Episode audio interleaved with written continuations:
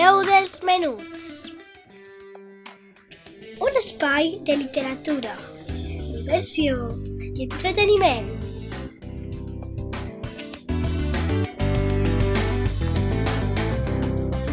Amb Laia Esteve.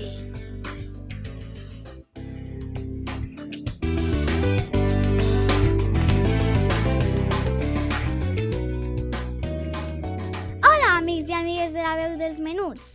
Un dissabte més estic així per explicar-vos alguna coseta interessant. La setmana passada vos vaig explicar la història de, de Frida Kahlo i aquesta setmana he decidit contar-vos la vida d'una altra persona il·lustre al món, rellevant en la història de la humanitat.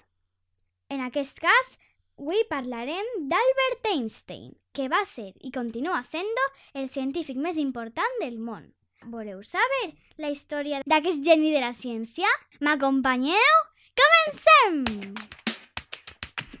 Albert Einstein va néixer a Ulm, en Alemanya, el 1879, uns mesos abans de que un inventor anomenat Thomas Alva Edison presentara al món la bombilla.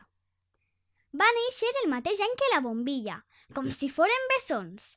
A més, el seu pare Hermann Einstein i el seu oncle Jacob Einstein van muntar junts una fàbrica d'aparells elèctrics. Es pot dir que des que va néixer, la seva vida va estar rodejada de llum i electricitat. La veritat és que els seus començaments no van ser molt prometedors. De petit tenia un cap desproporcionat, demasiat gran, com una bombeta de llum, precisament. Està clar que no hi ha que fiar-se de les primeres impressions. En aquell moment ningú hauria dit que anava a ser un dels majors genis de la història. Solament era un xiquet al que li agradava pensar i jugar amb construccions. Quan tenia 4 anys, el seu pare li va fer un regal que li va canviar la vida. Una brúixola. Pareixia màgia. Fer el que fera, l'agulla s'orientava sempre en la mateixa direcció. Com era possible que l'agulla sabera sempre cap a on apuntar? La natura amagava misteris fascinants que ell volia entendre. A l'acabar els seus estudis no va aconseguir treball en la universitat, que és el que ell hauria volgut.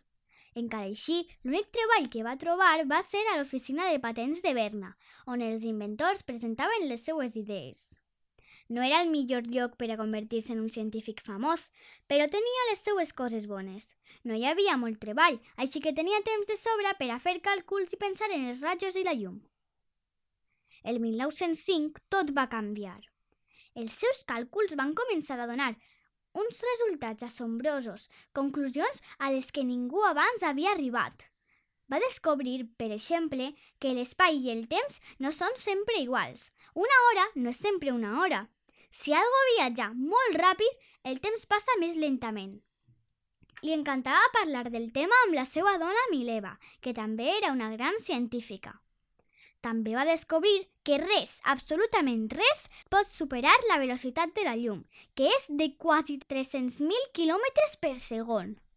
Ni les millors naus espacials que s'inventaren al futur. És impossible! Imagineu-vos lo ràpida que té que ser la llum. Totes aquestes idees es coneixen com la teoria de la relativitat general.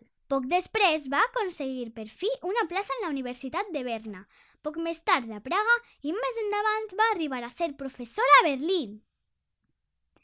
El 1919, amb 39 anys, es va divorciar de Mileva i uns mesos després es va casar amb Elsa Einstein, que resulta que era la seva cosina. Einstein va tindre tres fills amb la seva primera dona i va guanyar el Premi Nobel de Física. Abans que arribara al poder Adolf Hitler, Albert Einstein va deixar Alemanya i va emigrar als Estats Units. Poc després va començar la Segona Guerra Mundial.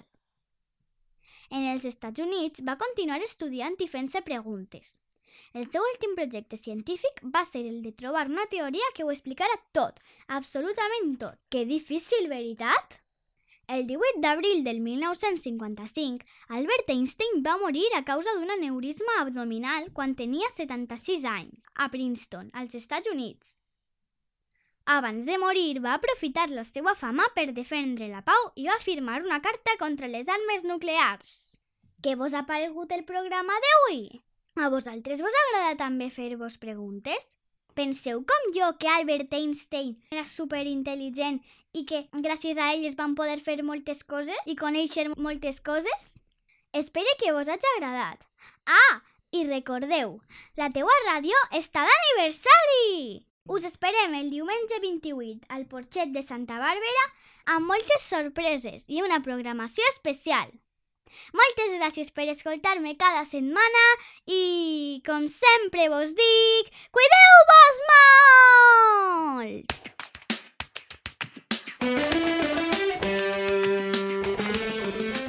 La veu dels menuts.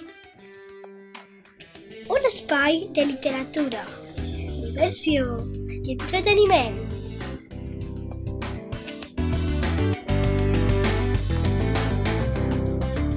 Amb Laia